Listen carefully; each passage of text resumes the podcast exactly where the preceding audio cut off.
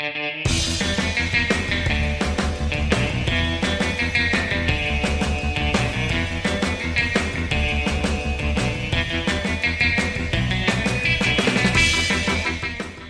daar, welkom bij Studio Magic, de Nederlandstalige podcast over alles wat te maken heeft met Magic the Gathering. Mijn naam is Jeroen Koster. En ik ben Arjan Lang. En dit is aflevering 16. En uh, hiervoor zijn we op pad geweest, Arjan en ik, samen met uh, Dave, die hier op dit moment, terwijl we deze intro opnemen, niet bij is, want die geniet van een uh, welverdiende vakantie. Ja, we hebben met z'n drieën een heuse roadtrip gemaakt. We zijn namelijk op bezoek geweest bij een Nederlandse Magic illustrator. Inderdaad, we zijn naar Breda afgereisd om de tekenaar te interviewen van tientallen Magic kaarten. Hij heeft vooral heel veel landjes geïllustreerd, waaronder vijf expeditions. Maar hij heeft ook een drietal invocations op zijn naam staan, waaronder Wrath of God. Ja, en hij is verantwoordelijk voor de nieuwste versies van Icy Manipulator en Ensnaring Breach. We hebben het hier natuurlijk over niemand minder dan Titus Lunter. Yes. Wat ik trouwens vooraf niet wist, is dat hij, behalve dat hij voor Magic kaarten tekent, ook regelmatig betrokken is bij het stadium dat eraan vooraf gaat.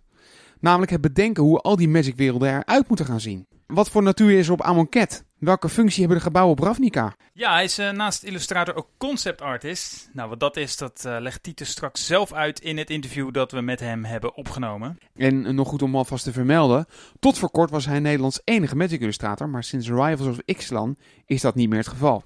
Zijn vrouw, Suzanne Helmich, tekent inmiddels namelijk ook voor Magic the Gathering.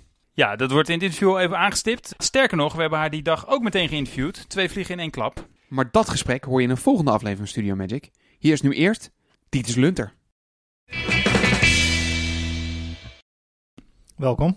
Ja, dankjewel. En jij, uh, welkom in onze podcast. Dankjewel. Erg uh, tof dat je mee wilde werken. Je bent Magic Illustrator. Ja, klopt. Inderdaad. We hebben natuurlijk heel veel vragen voor jou. Maar misschien is het allereerst goed om jou even te introduceren bij, uh, nou, bij de luisteraar. Maar ook een beetje bij ons, want wij weten ook lang niet alles van jou. Kun je een beetje kort uitleggen wie je bent, waar je vandaan komt, hoe je bent begonnen met het illustreren van Magic? Ja, ik ben, ik ben Titus. Ik ben een Nederlandse illustrator.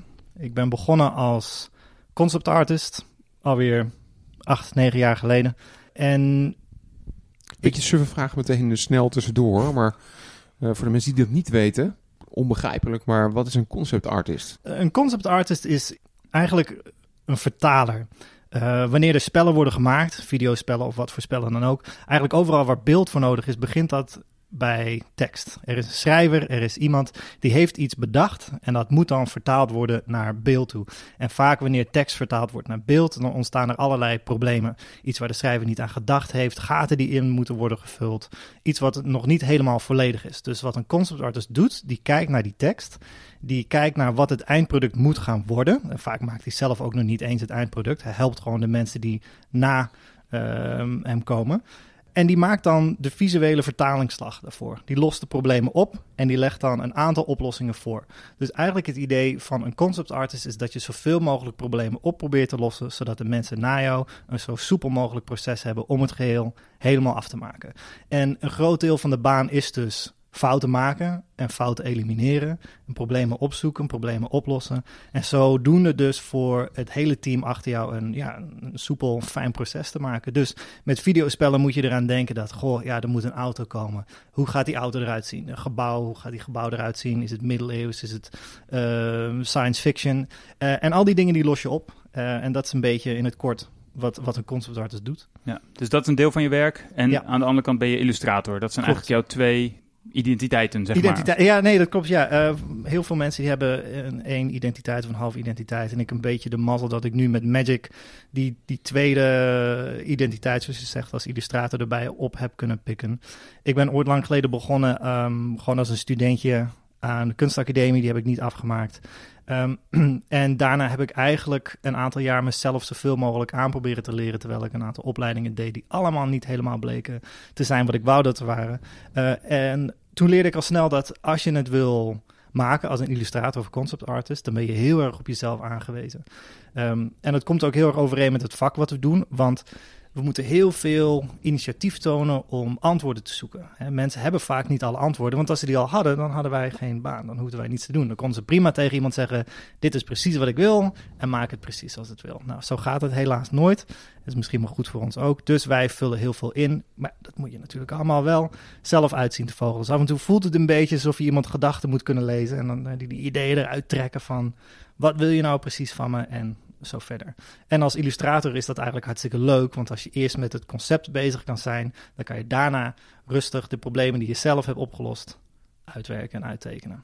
Ja, ik denk dat het zo meteen ook nog wel uh, hoe heet het? Hoe zicht dat uit, zeg maar, het concept artist voor Magic? Uh, dat dat nog uitgebreid ter sprake komt als we het hebben over uh, verschillende kaarten die je hebt gemaakt en werk dat je voor Magic hebt gedaan.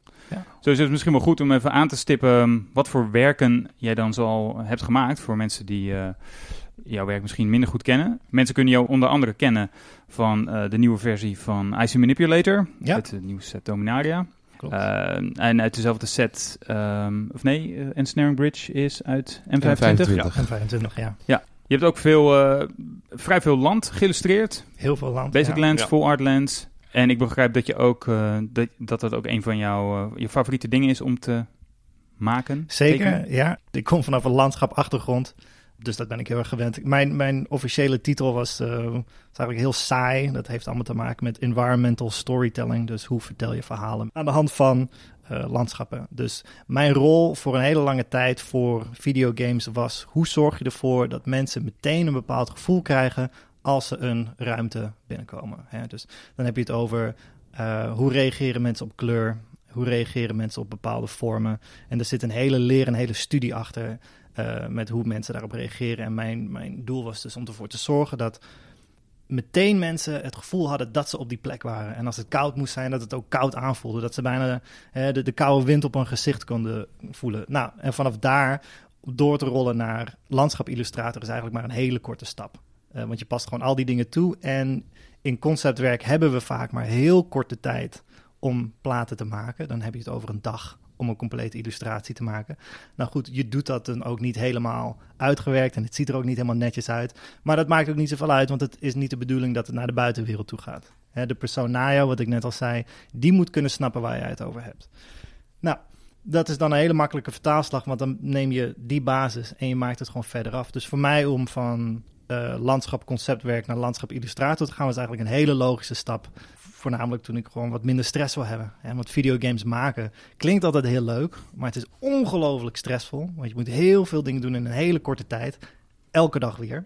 Um, dus toen ik tegen Wizards zei, want ik was al voor ze aan het illustreren een klein beetje, terwijl ik in-house bezig was, van goh, kan ik wat meer werk krijgen van jullie? Zei ze helemaal geen probleem. En zodoende heb ik langzaam die transitie kunnen maken van concept artist in-house bij studio's over heel Europa tot gewoon thuis kunnen illustreren, wat een stuk relaxer uh, is voor ja. mij om te doen. Want we zitten hier bij jou thuis en hier ja. is ook jouw, uh, jouw werkruimte, heb ik begrepen? Klopt, ja. Ik en mijn vrouw hebben allebei een werkruimte hier in huis, waar we allebei aan Magic werken. Dus het huishouden hier draait voornamelijk om Magic. Ja, ja.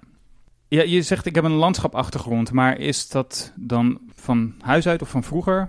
Of is dat pas gekomen toen je je ging verdiepen in uh, leren tekenen? Nou, ik bedoel, ik kan er heel veel mooie verhalen om, om, omheen wikkelen. En er zitten ook wel verhalen achter die, die, die waarheid hebben in een interesse voor landschap en landschap schilderen. Maar het kwam eigenlijk op iets heel simpels neer. Dezelfde reden waarom ik uiteindelijk uh, ben gaan illustreren is mijn moeder is een tekenlerares geweest vroeger. Ze is nog steeds kunstenares. En mijn vader was econoom. Dus toen ik op de middelbare scholen tweeën en drieën haalde voor wiskunde en economie, werd het voor mij al snel duidelijk. Volgens mij moet ik gaan illustreren, want de rest dat wordt helemaal niets. Hmm. Uh, en dat was maar een halve, halve toezegging van mij. Maar op een gegeven moment dan ben je ja, te oud om wat anders te gaan doen. Dus dan werd het maar illustreren.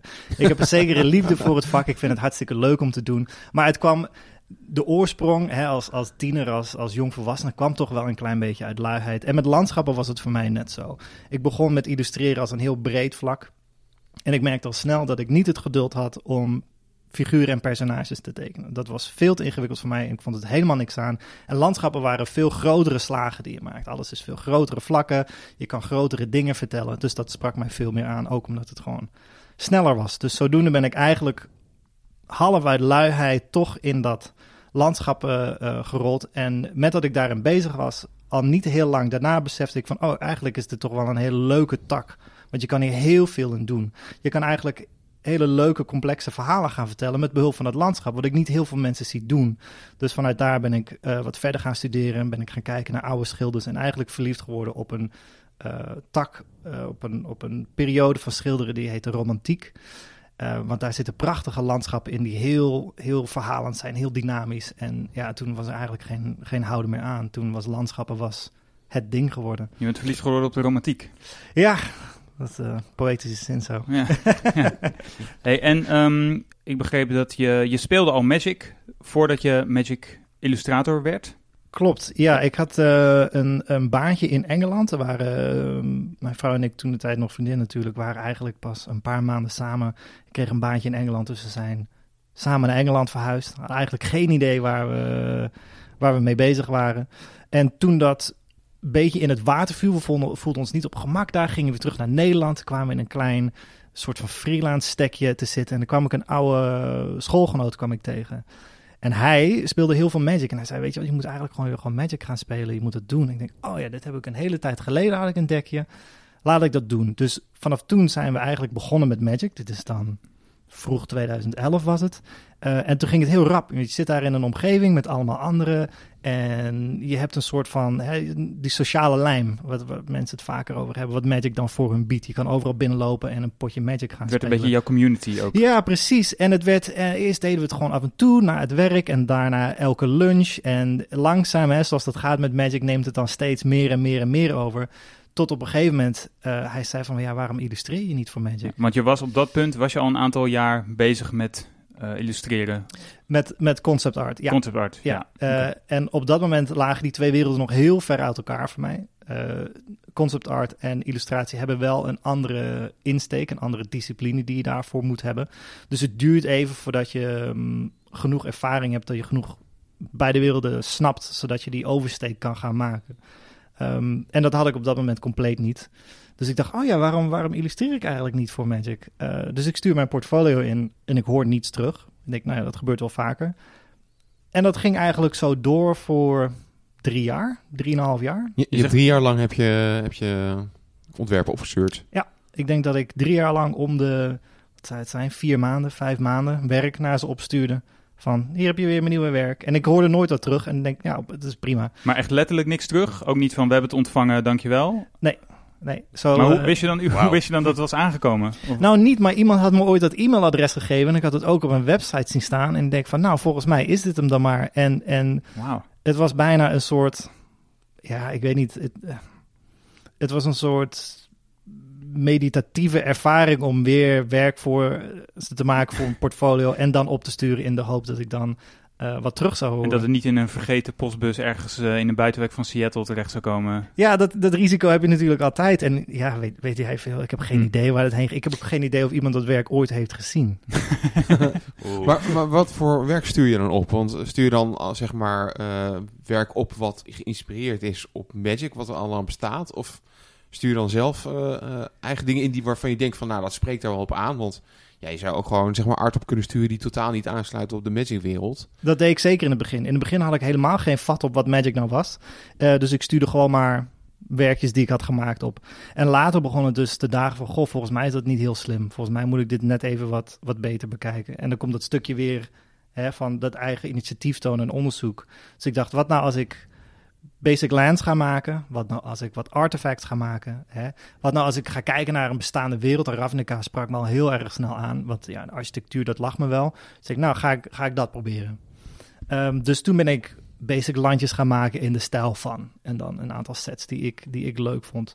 Um, om maar te proberen te zeggen van... kijk, ik kan ook in jullie stijl werken. Nou, uiteindelijk kreeg ik in ik weet niet of 2013 of 2014 kreeg ik een e-mail van de toenmalige art director Jeremy Jarvis. Of ik ooit van Magic had gehoord. Oh. En of ik daarvoor zou willen werken eventueel. Nou, graag.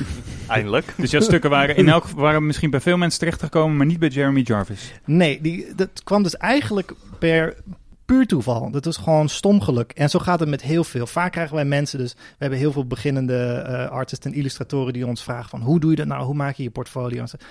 Luister, je kan een fantastisch portfolio hebben... Maar je moet ook heel veel mazzel hebben dat je het op het juiste moment instuurt en dat de juiste mensen het zien. Want er zijn meer dan genoeg mensen die heel erg capabel zijn, maar gewoon door domme pech niet dezelfde kansen krijgen als uh, andere mensen. Hè? En daarbovenop moet je ook nog eens een beetje een benaderbaar persoon zijn. Dus je moet eigenlijk een heel breed scala hebben van kwaliteiten. En een grote daarvan is nog steeds gewoon mazzel hebben. En dat is heel zuur. Dat willen mensen niet horen, want dat heb je compleet niet hè, in controle. Ja. Maar ja, dat is het natuurlijk wel. Je hebt dat andere aspect hier ook meegemaakt met drie jaar lang. Uh... Ja, precies. Precies. En, en um, zo zijn er nog wel meer artiesten. Er zijn een aantal van mijn collega's die hebben vijf, vijf en een half jaar erover gedaan. En dat zijn fantastische illustratoren. Dus er is, als je goed bent of niet, het is geen garantie dat je dan daadwerkelijk ook werk krijgt. En op het moment dat ik die e-mail kreeg, kwam het omdat ik een aantal hele snelle concepten had gemaakt van realistische landschappen. Het was gewoon heel snel hyperrealisme. En dat hadden ze nodig op dat moment. Wat bedoel je met heel snel? Uh, heel snel, dat is echt in, in vier, vijf uur probeer je dan iets... Qua werk die je ja. hebt gestoken? Ja, precies. Probeer je iets, iets snels neer te zetten. Maar hoe wisten zij dan dat het snel was? Nou, omdat op een gegeven moment kan je dat zien als artist. Kan je, uh, als je daar maar lang genoeg in het vak zit, kan je zien wat snel is geschilderd en wat ja. niet snel is geschilderd.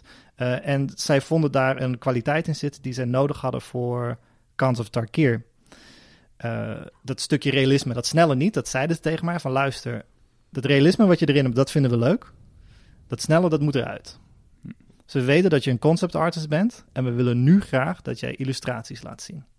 En dat was voor mij een beetje een struikelblok. Maar ik zei natuurlijk van, oh ja, nee, prima, geen probleem, kan ik wel. Kan ik ook, ja. ja geen maar, probleem. maar, maar hoe, hoe kwamen ze dan aan die, aan die art die jij gemaakt had? Ze, ik had het online gezet en dat waren ze toevallig tegengekomen. Oh, ze zaten letterlijk een keer een middagje te kijken van... goh, we hebben realistische landschappen nodig. Daar hebben we niet zoveel van die dat uh, op dit moment doen in onze artist pool. Hè, want ze hebben een grote lijst die ze bijhouden van wie is beschikbaar voor welke type klus.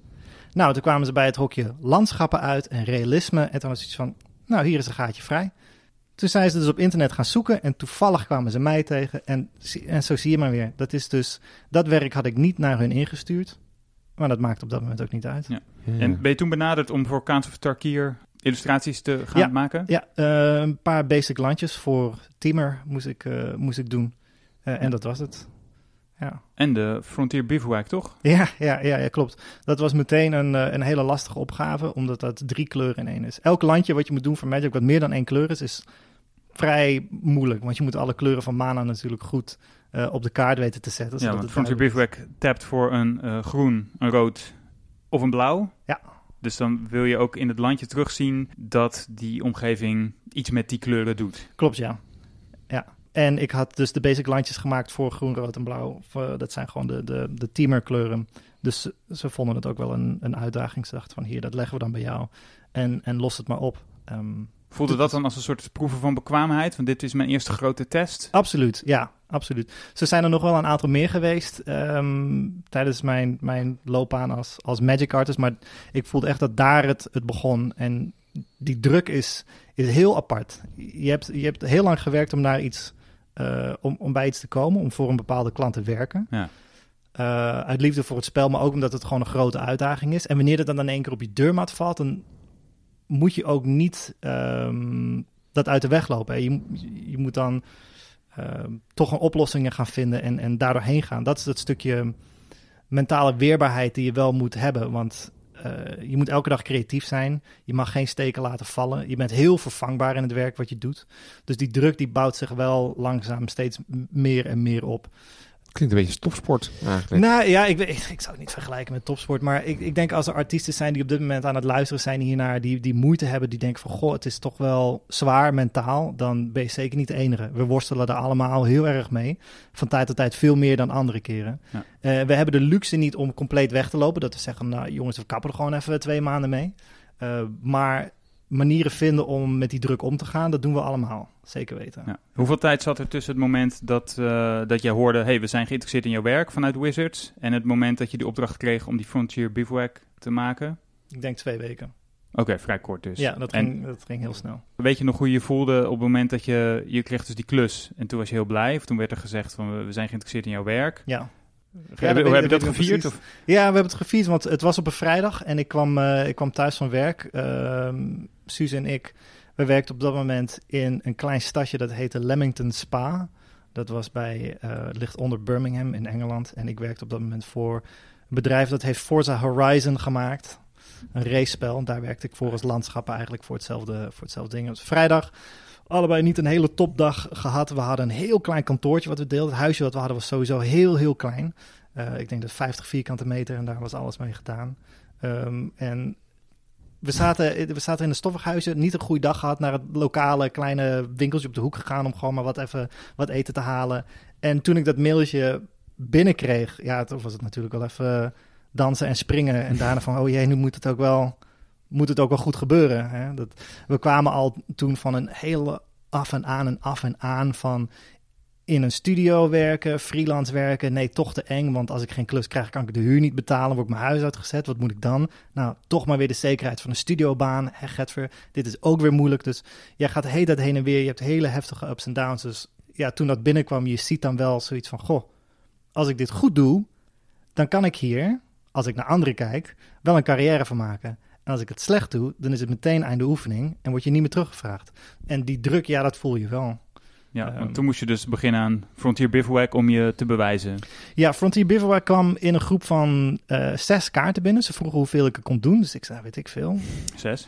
vijf, zes. Ik weet niet wat normaal is. Ja. ik heb het nog nooit eerder gedaan. Dus ik zei gewoon maar wat. En ik kreeg, ik kreeg er uh, zes binnen. Uh, niet wetende dat het dus kwam omdat een aantal anderen hadden afgewezen omdat ze geen tijd hadden. Dus ik moest hun werk oppikken. Dus daarom heb ik wat, geloof ik, één island gedaan, maar wel twee forests. Hè? Dus dan gaat op die normaal gesproken is dat mooi even verdeeld. Hmm. Maar gewoon ook wel uh, teamer ja. geïnspireerde kaarten. Hè? Want ja. ze gemaakten alleen forest, maar het waren wel art die bij de, zeg maar, de Timor ja, klopt, absoluut. setting paste. Dus ik kreeg, een, uh, ik kreeg een grote staalguide binnen. Dat is het boekwerk wat wij krijgen, waar eigenlijk alle plaatjes in staan als referentie van hoe de wereld er nou eigenlijk uitziet. Is zo'n staalguide dan gemaakt door concept artist? Ja, klopt. En dat is hetgene wat ik ook later uiteindelijk voor Magic ben gaan doen. Ja, wat meer. Daar komen we zo op, denk ik. Ja, uh, en toen ging dat nog per post. Toen kregen we het nog in een papieren versie binnen. Die zijn nu heel zeldzaam om te vinden vanwege veiligheidsredenen, noem maar op. Nou, en dan staat er dus doodleuk, dit zijn alle landjes die je moet doen. Kijk op deze en deze pagina. En voor een aantal dingen is ook gewoon geen inspiratie, dus verzin het zelf maar. We weten niet hoe een eiland hier er precies uitziet voor Teamer. We weten wel hoe een eiland eruit ziet op Kaans, maar ja... Dat voor jou is net ietsje anders, want je zit in de bergen, want het is een bergvolk. Dus nou ja, zoek het maar uit. Dus dan heb je meteen zoiets van, oké, ja prima, ik zoek het wel uit. Vind je dat dan leuk dat je het zelf uit mag zoeken? Of heb je liever dat je dan zo'n, ja, een beetje een vast concept krijgt toegestuurd? Nee, ik vind het wel erg leuk om het, zelf, uh, om het zelf uit te zoeken. En ik denk dat het ook maar goed was in die tijd dat ik niet heel erg veel nog wist. Ik denk dat die naïviteit me op dat moment wel veel gered heeft. Want... Uh, als ik nu kijk naar een aantal landjes die ik moet doen, hè, want we weten nu dat Ravnica uh, terugkomt. Ik heb een aantal kaarten ja, voor Ravnica. Jij bent al veel langer natuurlijk. Ja, ja ik, weet het, ik, ik moet al de hele tijd mijn mond dicht houden erover.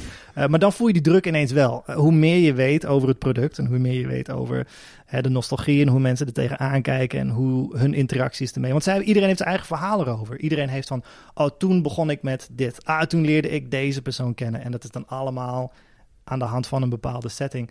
Uh, en hoe meer je die verhalen hoort en hoe meer je daarvan af weet, hoe meer je probeert ja, een stukje van die nostalgie toch te vangen um, voor mensen. Dus in het begin, met mijn eerste teamerlandjes, ja, ik wist het helemaal niet. Dus ik deed, ik deed eigenlijk gewoon maar wat. Ik deed wat ik cool vond, wat mij leuk leek. En achteraf heb ik zoiets van, nou, ik ben blij dat ik daarmee weg ben gekomen, want dat was eigenlijk wel een hele grote gok. Hoe, hoe lang heb je erover gedaan? Hoeveel, hoe lang, hoeveel tijd heb je eigenlijk voor een Magic Card? Uh, we kregen vroeger, in die tijd kregen we zeven weken. Kregen we drie weken voor de schets en vier weken om de, de final illustratie te maken. En ik denk dat ik toen twee dagen over de final illustratie heb gedaan. En nou, ik denk wel goede twee, drie weken inderdaad over alle schetsen. Maar dat komt omdat ik voor de Mountain alleen al had ik iets van 16, 17 schetsen. Want ik denk, ja, ik ik kan maar beter gewoon een hele hoop dingen maken. Dus een hele hoop dingen laten zien. Er zal vast wel iets tussen zitten wat ze leuk vinden. Maar bedoel je dat je eigenlijk gewoon ruimte tijd ervoor had? Ja, ja okay. ruimte tijd. Het is nu ietsje korter. Het is nu vijf of zes weken wat, we, wat we hebben. Omdat ze meer producten uit willen brengen. Dus onze productiecyclus is ook korter geworden daardoor. Ja, en even voor uh, ja, mensen die niet illustrator zijn, zoals ik bijvoorbeeld.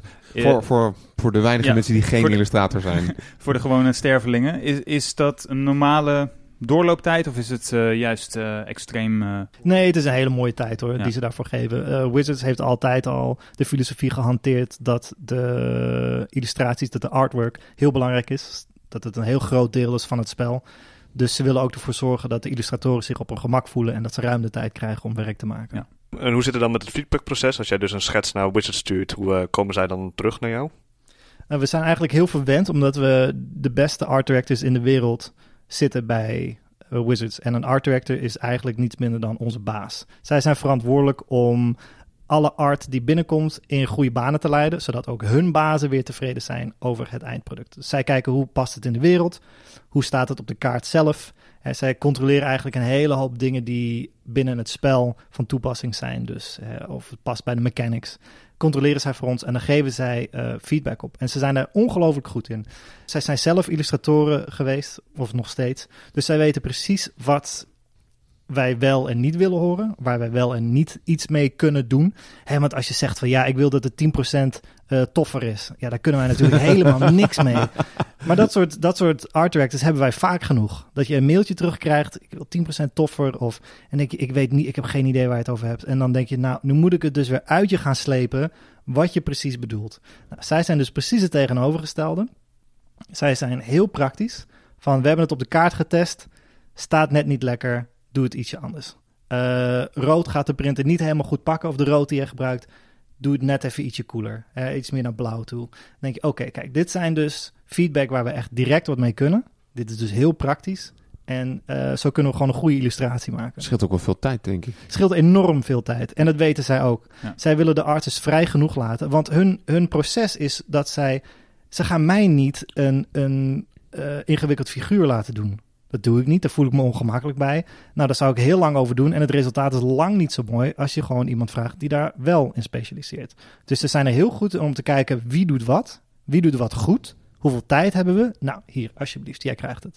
En daarom is het ook heel moeilijk om in te breken. Want het is heel simpel. Als jij niet beter bent dan de slechtste persoon op de lijst die voor hun beschikbaar is, dan hebben zij geen enkele reden om jouw werk te geven. En, en dat is het hem. Het is niet dat ze je niet aardig vinden of niet goed met je overweg kunnen of je niet een kans willen geven. Zij moeten elke drie maanden een compleet nieuwe set eruit knallen. En dat is heel moeilijk. Dat, daar moet gewoon een hele strakke structuur in zitten. Dus zij hebben over 25 jaar het feedback-proces en hoe wij ons werk inleveren echt geperfectioneerd. Dus voor ons aan de illustratorkant is het eigenlijk een hele soepele rit die wij daardoor meemaken. We weten precies wat er van ons verwacht wordt en hoe we dat in moeten leveren. En af en toe is er ruimte voor ons om wat te verbeteren of eh, een stukje groei mee te maken. Dus ja, Ja. ze zijn er heel relaxed in.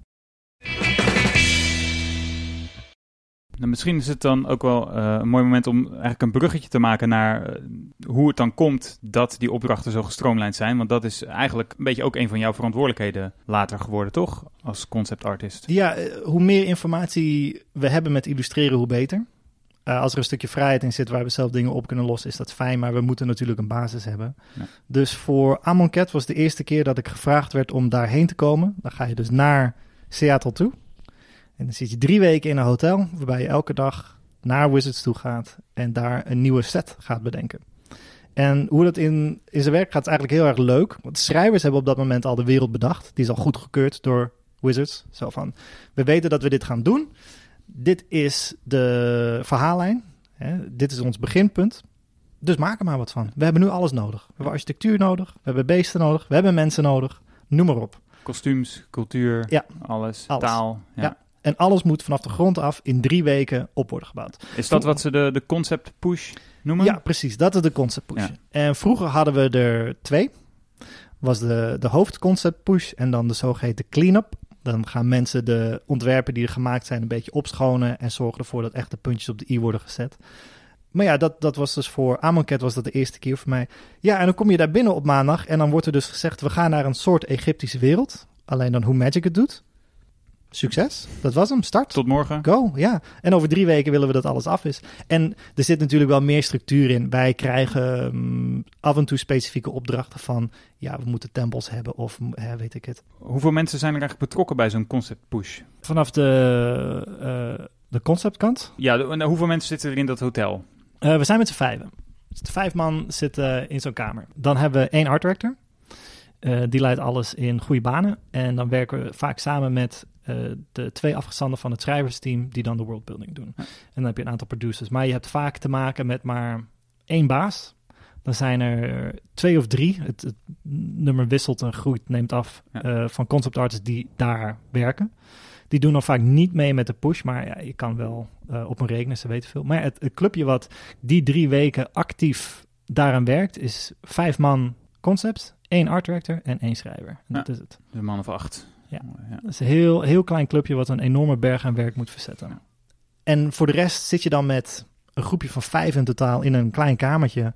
Zoveel mogelijk concepten en ideeën eruit te stampen als je kan. Dat gaat dan op een muur. Je print alles uit. En om de dag gaat dan het hele team, alle art directors, alle schrijvers, alle producers, die gaan dan naar kijken. Die geven hun notities en wij krijgen daarna krijgen wij de feedback van de art director. Die loopt ons dan samen met ons door al ons werk heen wat op de muur hangt. En die zegt dus heel duidelijk dit wel, dit niet, enzovoort. En dan worden de dingen van de muur afgehaald, aantekeningen opgemaakt en zo verder. Ja. En zo ga je dus dat hele proces af en je gaat naar steeds, wij noemen dat dan eh, targets. Dus we beginnen groot en je gaat naar klein. Dus je begint met ik heb een tempel nodig en daarna ga je van hoe ziet deze troon binnen deze tempel eruit. En zo krijg je dus hopelijk zoveel mogelijk gedaan. Dat wordt dan door de mensen in-house in een groot boekwerk verzameld met alle nodige notities erbij. Welke factie het is geworden, welke cultuur, welke, hè, waar alles staat. En dat krijgen wij dan in een boekwerk, zodat er als tegen ons wordt gezegd: maak dit figuur of maak deze tempel, kijk op bladzijde 120, dan weten wij, hebben we een idee van: ah, zo ziet dat ding eruit. Ik zie op de vorige bladzijde dus hoe het landschap eruit moet zien. Dus dan wordt er gecombineerd, kijk te zeggen, hier zijn alle basic landtypes voor ons. Ja. Nu wil ik dat deze tempel in een island staat. En dan weet je dus, oké, deze twee dingen moet ik gaan combineren. En zo wordt het voor die mensen heel erg makkelijk gemaakt. Ja, dus dat is het boek wat jij dus vroeger per post kreeg. Ja, Daar Klopt. mag je nu aan meewerken. Eigenlijk. Ja. Ja. ja, inderdaad. Ehm, trouwens, even voor de, zeg maar, de timeline. Eh Amon Cat kwam uit op 28 april 2017. Dus dat is nu vorig jaar. Maar ik ben dus benieuwd, Ja. als die vorig jaar uitkwam, eh, hoe lang van tevoren ben jij er dan mee bezig? Eh, Wanneer, hoe lang van tevoren is die concept push? Nou, die concept push, als ik me niet vergis, was dat eind mei, begin juni 2015. Dus zo'n twee, jaar van ja, tevoren. twee jaar. De ehm, ontwikkelingscyclussen zijn ietsje korter geworden. Dus er zit nu niet meer zoveel tijd tussen. Er zit nu denk ik anderhalf jaar tussen. Maar ze zijn ook nu verder vooruit aan het werken. Dus ze proberen eigenlijk zoveel mogelijk eh, van tevoren te bepalen wat ze gaan doen. Eh, en dan halen ze mensen erin. Dus vroeger was, hadden ze net wat meer tijd om relaxed eh, te blijven. Omdat er dus drie sets in één blok zaten. Dus ze wisten, dit jaar gaan wij naar Teros toe. Of eh, de return naar Ravnica. En nu eh, met het één wereld eh, per drie maanden is dat net wat korter geworden dus. Maar ja, de concept pushes worden denk ik een, een jaar of anderhalf van tevoren worden ze gedaan. En eh, als ik het goed begrijp, ben jij niet zo heel lang geleden weer teruggekomen uit Seattle. Dus je was daar weer voor een concept push. Dit keer was ik er voor Dungeons and Dragons. Ah, Het zit allemaal bij elkaar. Het hele clubje zit op één grote verdieping. Ja. Ze kennen elkaar allemaal hartstikke goed. Dus ik Je mocht, hebt ook een mooi eh, t-shirt gekregen, zie ik. Ja, ja ik, ik ben helemaal in de. We gaan ook binnenkort weer terug daarheen. Dus, ehm, maar de keren daarvoor dat ik er was, eh, was voor Ravnica. En dat was in januari 2017, denk ik. En er werkt dan twee jaar vooruit. Dus dit is dan, hebben we het over wanneer die set uitkomt, zou dan begin 2019 zijn ongeveer. September volgens mij Nee, toch? dit september. Oh, deze komt dit september al. Oh ja. Ja, dit Ja. jaar komt het eh, komt hij uit. Maar ik heb eh, de, de eerste was inderdaad 2000, januari 2017. En daarna heb ik nog aan twee andere gewerkt. Omdat Ravnica wat groter is ehm, dan normaal. Ja, het zijn drie, dus, drie sets, volgens mij, toch? Ja. ja. Ja. Ook elk met een eigen identiteit? Eh, volgens mij mag ik daar niks over zeggen. Oké. Prima. Helaas. ja, het is voor mij heel lastig, want ik, ik probeer heel goed bij te houden wat nou precies gezegd is officieel door Wizards. Maar wij krijgen niet een mailtje zo van, hey, dit hebben we gezegd, dus nu kan je hierover praten. Eh, dus we moeten altijd eigenlijk eh, heel voorzichtig zijn met wat Ja. we kunnen zeggen. Ja, soms dan zeggen we, oh, daar mag ik niet over praten. En dan komt iemand naar me toe van, oh ja, maar zus en zo. En dan denk ik, oh, ik wist niet dat dat al... Oké, nou, nou, dan kunnen we het er wel over hebben. En zit je nou een beetje standaard in die eh, pool? Of is het elke keer weer spannend? Word ik deze keer weer uitgenodigd voor de, voor de concept push? Nou, het is elke keer weer spannend. Ja. Maar ze willen ook heel veel verschillende mensen hebben, zodat ze veel verschillende input krijgen. Hè. Ze weten net zo met illustraties wat ze kunnen verwachten van iemand, weten ze dat met conceptwerk eigenlijk ook, nadat ze die persoon kennen. Dus ze nemen vaak gewoon risico's en zeggen, nou, we gaan kijken of deze persoon concepten kan maken. Misschien is het een illustrator, misschien pakt het helemaal niet goed uit. Misschien krijg ik maar twee tekeningen over drie weken.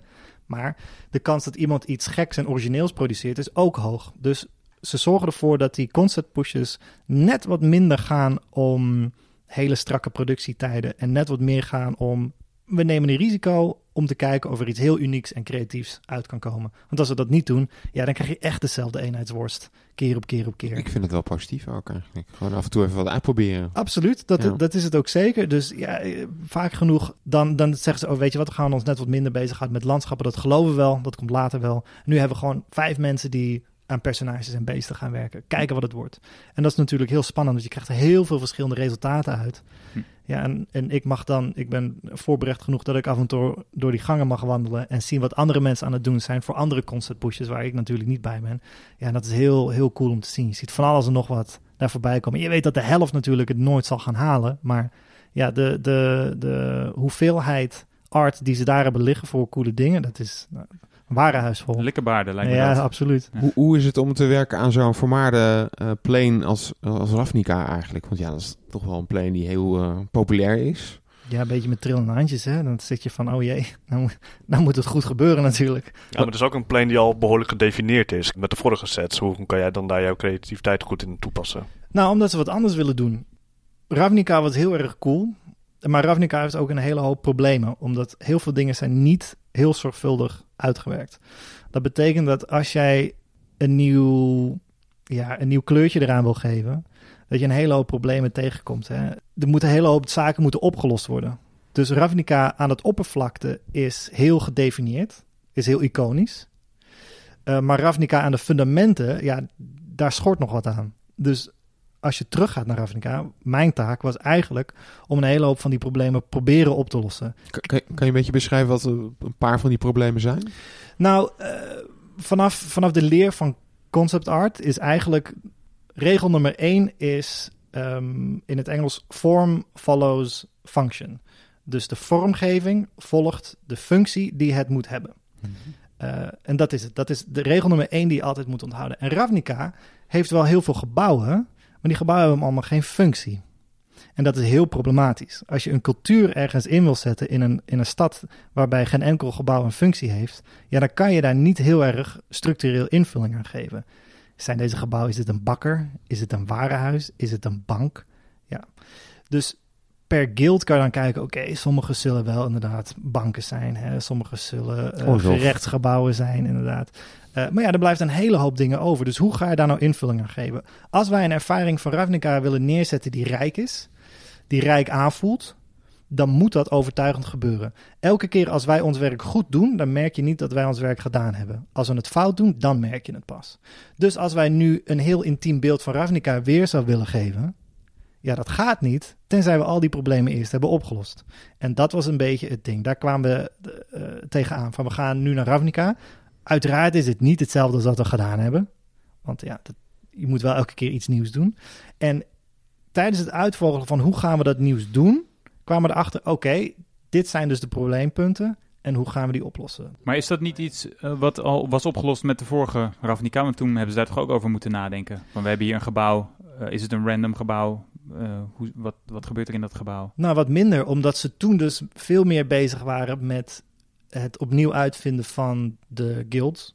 En opnieuw uitvinden hoe die interne dynamiek tussen die guilds in elkaar zit. En we hebben niet zo heel veel tijd om dit te doen elke keer. Het zijn maar drie weken, dat is vrij kort. Dus ja, die focus lag toen ergens anders op. Ja. En nu lag de focus toch meer op hoe gaan we Ravnica vanaf een visueel punt weergeven en net wat meer invulling geven die werkt op de manier dat we dat nu willen doen, zonder al te Ja, veel weg te geven. Wat ik wel grappig vind, ik, ik zit me net te bedenken dat ze nu bedacht hebben dat het eh, herfst is hè, op, eh op Ravnica. Dat je dan ook gewoon met andere kleuren gaat werken. Is, Ja. is dat dan ook een ja, soort van middel om het dan ook weer een soort van nieuw elan te geven? Absoluut. Ja, mensen kennen Ravnica als mooie eh, groene bomen en, en veel kleur, veel water. eh, niet heel deprimerend. En hoe ziet zoiets eruit als je dat dan wel doet? Hoe ziet het eruit als je naar de herfst gaat? Verandert dat niet het beeld van Ravnica dusdanig dat je het eigenlijk kapot maakt? Hè, hoe zorg je ervoor dat je het nog steeds mooi en interessant blijft en leuk voor mensen dat ze zeggen van goh, herfst is nou niet vaak het favoriete type eh jaargetij van mensen. Eh, dus hoe zorg je ervoor dat het toch nog leuk blijft? Dat je die kaarten ziet en denkt van ah ja, hier wil ik heen. Want dat is het altijd met die Magic werelden. Het moet altijd eruit zien alsof je erheen wil. Of in ieder geval hè, met, met gevallen zoals Mirrodin of, of Phyrexia, dat je denkt van oké, misschien wil ik hier meer in een veilige bubbel heen, dat ik niet direct in sta. Maar ik had Ehm, ook niet graag naar Syndicate gewild de laatste keer. Nee, ja, nee dat, dat ging wat fout inderdaad. maar met de meeste werelden moet het een soort ehm, allure hebben dat je denkt van ja, hier wil ik, hier wil ik eh, in, een interactie mee hebben. Ik wil kijken wat deze wereld voor mij doet. En het moet niet te veel lijken op eh, andere sets. Ja. Want bijvoorbeeld ehm Innistrad, Eldritch Moon en dergelijke, dat Ja. speelt natuurlijk ook in een wereld die een beetje gloomy was. Absoluut. Maar ook eh, met eh, eh, stadjes. Zo mee, dan ga ik weer terug naar wat ik eerder zei met die targets hè, die we hebben. Soms zijn ze heel erg klein. En dit was dus heel erg klein. Hoe zorg ik ervoor dat herfst nog steeds leuk is om naar te kijken? Hoe zorg ik dat het wel een soort van drukkend en gevaarlijk voelt? Hè, die setting die ze willen hebben. En hoe zorg ik ervoor dat het niet Innistrad is? Waar, waar zit die lijn? Waar zitten die grenzen? Nou, dan, dan heb je het dus eigenlijk over hele specifieke problemen. Die ook een hele specifieke oplossing nodig hebben. Zodat het goed en fijn aanvoelt. En wederom, als mensen het zien, ja, zij merken er natuurlijk helemaal niks van. Eh, maar ja, er zitten er op een gegeven moment wel een hoop mensen in één kamer. Daar dagenlang over de brainstorm van hoe gaan we dit oplossen? Welke kleuren kunnen we wel gebruiken, welke kleuren niet? Dus ja, dat zijn hele interessante problemen waar je tegenaan loopt. We hebben het net inderdaad ook nog over gehad. Maar wat er wel dus gezegd mag wo- worden is bijvoorbeeld... Ik heb aan groene creatures gewerkt in Ravnica. Bijvoorbeeld. Groene Ah, dus er zit, we hebben een primeur. Er zitten groene creatures in uh, Ravnica. Dat is in ieder geval wat Suzanne net zei. Oh, oké. Oh, Suzanne heeft er aangewerkt. Ja, nou mijn primeur is dat ik een blauwe creature heb gedaan in Ravnica. Dus ik heb in ieder geval weer een creature creature gedaan. Ja, eh, is dat dan je, je tweede creature ooit? Ehm, derde, denk ik. Derde. Ik heb die, eh, die blauwe Sign of Glaciers gedaan en een blauwe uil en nu weer een blauwe creature. Dus ik Ja, denk en dat ze hem eh, hebben... En Spirewinder, toch? Oh ja, ja, dat is waar ook. Die is ook blauw, ja. ja. er zit een duidelijk patroon in, inderdaad. Van, eh, van, van blauwe creatures. Maar wat ik eerder al zei, ze, ze bieden af en toe ruimte om te groeien aan. Maar je moet wel beter zijn dan de slechtste persoon op de lijst. Dus ik had ze gevraagd van, goh, ik heb nu wel heel veel basic landjes gedaan.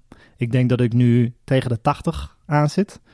Eh, ook van degenen die nog uit moeten komen. Het is denk ik niet echt een verrassing dat ik basic landjes heb gedaan in toekomstige sets. Ehm, dus ik zei tegen van, ik vind het wel leuk om basic landjes te doen. Maar ik wil nu, na ruim vier jaar met u, jullie te hebben gewerkt, ook wel eens wat anders doen. Ehm, en ze zei, nou, dat kan. Ja.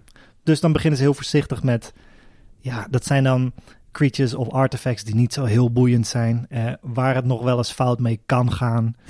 Van, hier, probeer dat. En dan zien we daarna wel weer verder. En dan denk je, nou oké, prima. Dan moet ik dit goed doen. En dan, wie weet, krijg ik het nog wel een keer. Eh, dus dat is voor mij hartstikke leuk om te doen. Ehm, dikke pret in gehad om dat even te mogen doen voor, voor, eh, voor Ravnica. Even een kleine break. Dus het feit dat je nu weer een creature mag doen in Ravnica is wel een goed teken op zich. Ja, nou die is inmiddels ook weer van eh, vorig jaar of begin dit jaar hooguit eh, geweest. Maar ja, dat is dan leuk om te doen. Even wat, even wat afwisseling. Ja. Want ik hou heel erg van architectuur, maar op een gegeven moment wordt het ook wel wat veel. Vooral met Ravnica. Dat zijn hele ingewikkelde dingen om, om te illustreren. Dus. Ja.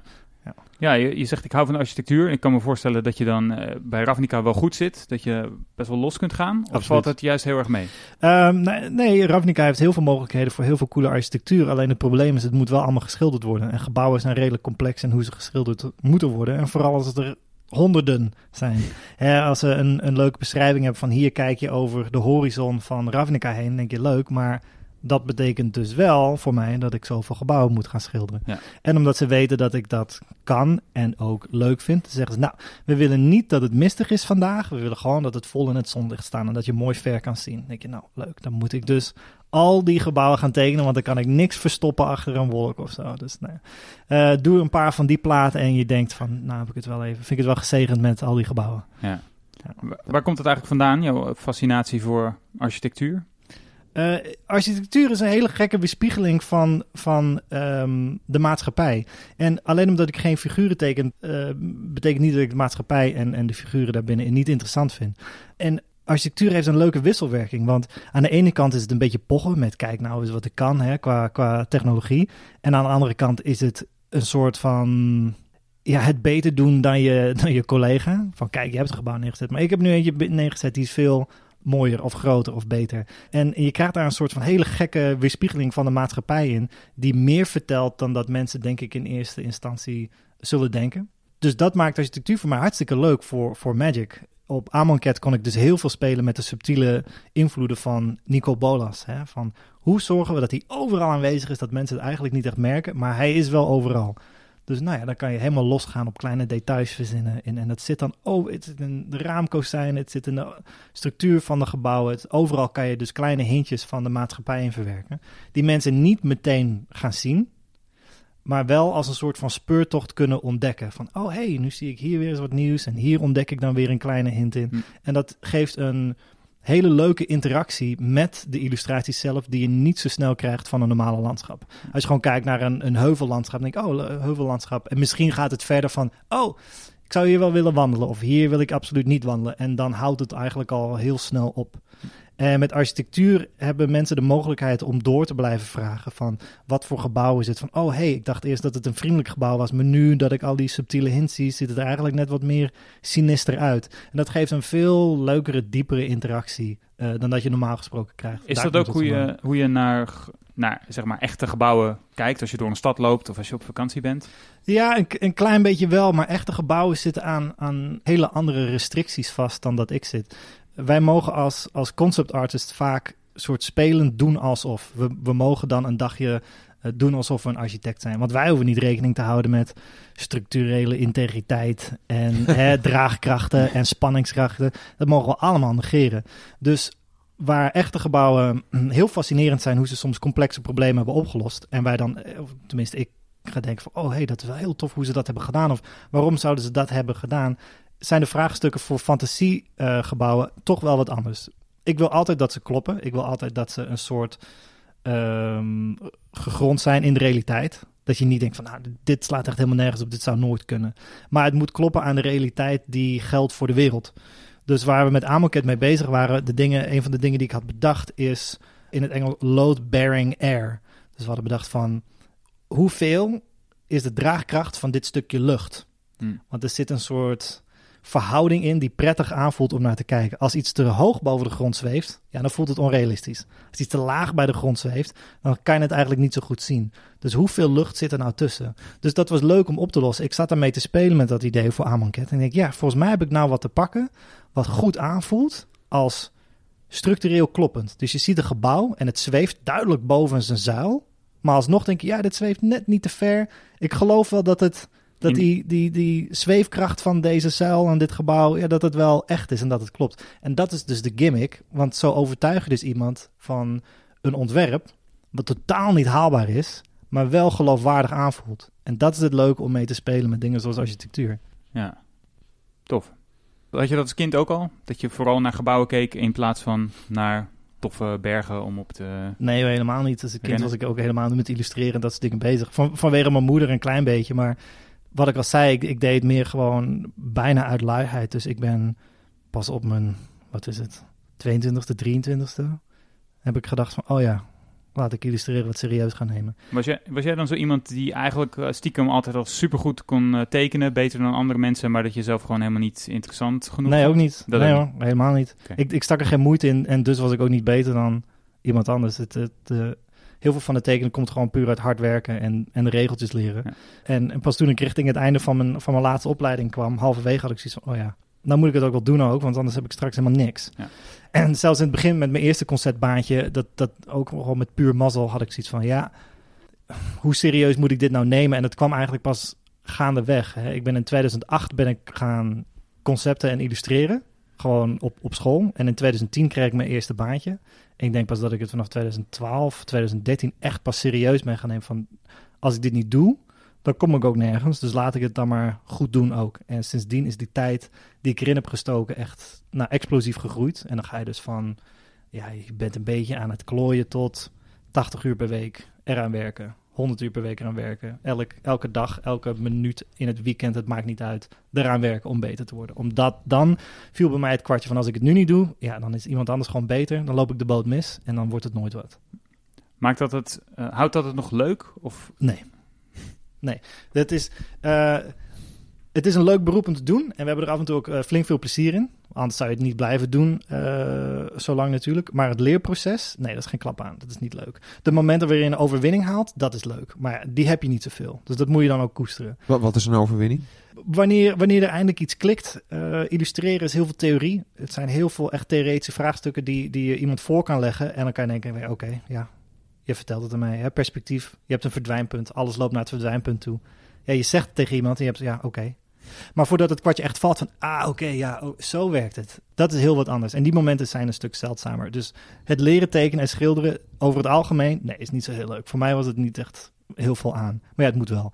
Eh, niemand heeft zin om 100 uur per week in zijn werk te steken. Want je houdt geen tijd over voor andere dingen. Ja, en zo raak je vrienden kwijt. En zo wordt je sociale kring gewoon klein en moeilijk. Dus uiteindelijk denk je van, ja, was het nou allemaal waard geweest? Ja, want je kan dan wel doen wat je wil.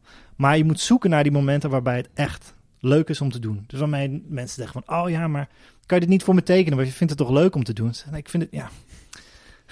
Het is af en toe leuk om te doen, Ja. maar het is ook gewoon werk, oké? Het is heel veel tijd en moeite en werk wat erin gaat steken. Dus ja, soms ben ik iets aan het schilderen van ik denk van, man, dit vind ik echt leuk. En Magic is dan een van die klanten waarbij dat veel vaker gebeurt dan bij elke andere klant. Waardoor ik nu de luxe heb om te zeggen tegen een hele hoop andere klanten van, nee, ik ga niet voor jullie werken. Ik heb er gewoon geen zin in. Ik ga wel gewoon wat meer Magic werk doen. ja. is het dan zo dat je nu steeds meer die luxe krijgt om wat vaker nee te zeggen en wat meer de, de klussen te, eh, Uit te kiezen. ja, uit te kiezen? Ja. Ja, maar het heeft lang geduurd. Ja. Ik heb heel veel. Ik bedoel, ik heb vuurwerkfolders gedaan. Gewoon een foldertje voor Serieus? vuurwerk. illustratie. Ja, dan denk je ook, waar ben ik mee bezig? Ja, maar als je het niet doet, dan heb je ook geen geld. En dat is toch wel belangrijk. Ja. Dus ja, je doet op een gegeven moment van alles en nog wat. Gewoon maar om. Net als als je van de filmacademie komt, dan moet je ook eh, bedrijfsfilms maken en dingen die je misschien niet zelf hebt bedacht. Ja, maar je precies. moet er doorheen. Ja, je moet er, je moet er echt doorheen. Ja, en dat, dat is niet altijd even leuk. Dus ja, dan af en toe vraag je echt af van, ja, wat, wat, wat doe ik het nou Ja. voor? En dat vasthouden, dat, eh, dat blijft lastig. Ja. Maar dan mag je zoiets werken aan Ravnica. Daar komt veel zelfdiscipline bij kijken, denk ik. Ja, dat is, het, eh, dat is denk ik de Dat meest me waardevolle skill die we wel- hebben. ja, precies. Dat lijkt me, behalve enigszins talent of aanleg voor tekenen, eh, lijkt me dat ook wel een heel belangrijk iets. Aanleg voor tekenen laten we bijna altijd links liggen. Er is natuurlijk zoiets dat mensen bepaalde vaardigheden sneller oppikken dan andere mensen en daardoor beter erin worden. In die zin is talent natuurlijk wel ja, de, de, de definitie daarvoor voor ons. Maar als je vraagt wat zijn de twee skills die wij willen dat mensen hebben voordat ze een goede illustrator worden, is discipline en initiatief. Je moet genoeg initiatief tonen om onderzoek te kunnen doen, om de dingen te leren die je niet weet. Dus je moet goed jezelf in de gaten houden om te kijken wat weet ik niet. Dat is altijd een hele lastige. En daarna moet je de discipline hebben om dat te doen. Want soms kom je tot de conclusie van als ik dit goed wil doen, dan moet ik, totdat ik het kan, studies blijven doen, tekeningen doen. Als ik geen handen kan tekenen, dan moet ik handen natekenen totdat ik handen kan tekenen. en als je dat met tien studies lukt, fantastisch. Dan heb je denk ik wat aandacht voor. Maar de meeste mensen die doen er 100, 200, 1000, 4000, weet ik veel, noem een getal. En die zijn er nog steeds niet goed in. Ja, dan heb je pech, want dan zul je toch echt door moeten blijven studeren totdat je het wel kan. Ik, ik vertelde gisteren tegen Jeroen, ik, ik vroeger ook wel gestriptekend. En ik voel die handen al heel erg lastig. Dus mijn, mijn, mijn stripfiguren hadden altijd bovengemiddeld vaak hun handen op hun rug. Ja. Maar goed, lekker. eh, het is ook geen succes geworden uiteindelijk. ik tekende ook altijd de snavel van Donald Duck uit precies hetzelfde, op precies dezelfde manier vanuit precies dezelfde hoek. Want dat was hoe ik het, eh, hoe het kon. Eh, dat was gewoon, gewoon het makkelijkst. Dus Donald Duck stond altijd met zijn snavel open lachend. Ongeveer eh, drie vierde van zijn profiel, zeg maar. Dat was, eh, dat was voor mij haalbaar. Ja. Maar goed. ehm, Gewoon harder je best doen, dat is eigenlijk eh, Ja, ik ja. de vond gezichten vond ik doodeng. Ik deed nooit personages ik gezichten en handen, het lukte allemaal niet. Totdat ik laatst dus in Amerika was op een push voor iets anders bezig. En ik was daar samen met eh, twee van mijn vrienden, een ongelooflijk goede illustratoren, Tyler Jacobson en Chris Raan. En die zeiden van, waarom doe je gewoon niet gezichten? Ik zei, nou, ik vind het doodeng. Waarom zou ik, ik moet vanaf nul beginnen. Ze zei, dat maakt toch helemaal niet uit? Zei, nou, ik vind wel dat het uitmaakt, want het andere kan ik al oké. En als ik die twee dan vergelijk, dan voelde het heel zuur. Van die architectuur en perspectief en landschappen, dat lukt dan wel. En zo'n gezicht, het ziet eruit als een kind van vier. Hm. En zo, ja, dat maakt niet uit. Dus zij gaven me wat tips, maar vooral ook de, de moed om dan te zeggen van, het is oké als je iets niet kan, niet kent en vanaf nul moet beginnen. Het, het is oké. Het is nooit te laat voor, dus doe het gewoon. Ga gewoon die, die, die studies doen, maak gewoon die dingen. Ja, en nu vind ik het leuk om te doen. Ik ben er nog steeds niet goed in. Maar eindelijk heb ik dan dat stukje discipline waar je denkt van, nou, weet je wat? Vooruit. We moeten, het moet, op een gegeven moment moet je er toch aan geloven, dus laten we het maar doen. Ja, het is moeilijk. Ja, het is vervelend. Nee, het voelt niet cool als je dan een complete affe illustratie van Magic ziet en dan een gezichtje wat je tekent denkt van, nou, dit slaat echt helemaal nergens op. Maar ja, we moeten er toch aan geloven. Leer je ook veel van, eh, van je vrouw op professioneel gebied? Eh, hebben jullie veel kennisuitwisseling? Of eh, houden jullie het juist heel erg gescheiden wat jullie eh, voor werk doen? Want jullie werken allebei voor Magic. Ik kan me voorstellen dat er dan wat kruisbestuiving is. Maar ik kan me ook voorstellen dat je zegt... We, vinden het belangrijk om dat juist om heel erg onze eigen creatieve lijn te volgen. Ja, we volgen heel erg onze creatieve lijn, omdat we een hele andere filosofie hebben over hoe platen gemaakt moeten worden. Dus we hebben gemerkt dat als wij samen willen werken, dan kost het vrij veel moeite, omdat we allebei gewoon heel koppig zijn. Gewoon echt heel koppig. Dat je denkt, nee, ik wil het zo doen. Ik zeg, nee, ik wil het zo doen. En dat komt omdat we hele andere specialisaties hebben. Ik vertel verhalen vanaf het landschap, dus ik ga elke keer zeggen, nee, maar hè, dit nadruk moet er echt op het landschap liggen. En zij heeft uh, vanaf haar uh, kant veel meer aanleg voor uh, figuren en karakters. Dat zegt, nee, maar het personage moet hier staan en dit moet de belichting zijn, want zo vertel je het verhaal vanaf de personage. Dus we worden er wel steeds beter in denk ik. Vind hmm. ik. Ik kijk er even aan. maar, Zit op de um, achtergrond uh, grijnzend uh, en aandachtig toe te luisteren. Maar het is heel fascinerend om te zien, vooral omdat we allebei heel veel gegroeid zijn in de afgelopen jaren. En we komen vanaf een andere insteek. Dus onze groei gaat ook eigenlijk een, uh, maakt een heel ander traject mee. Dus als ik haar sprongetjes die maken, de dingen die ze leert, ja, je pikt er wel wat informatie uit op. Dus er zit wel wat kruisbestuiving tussen hoor, hoe we elkaar proberen te helpen. Ja.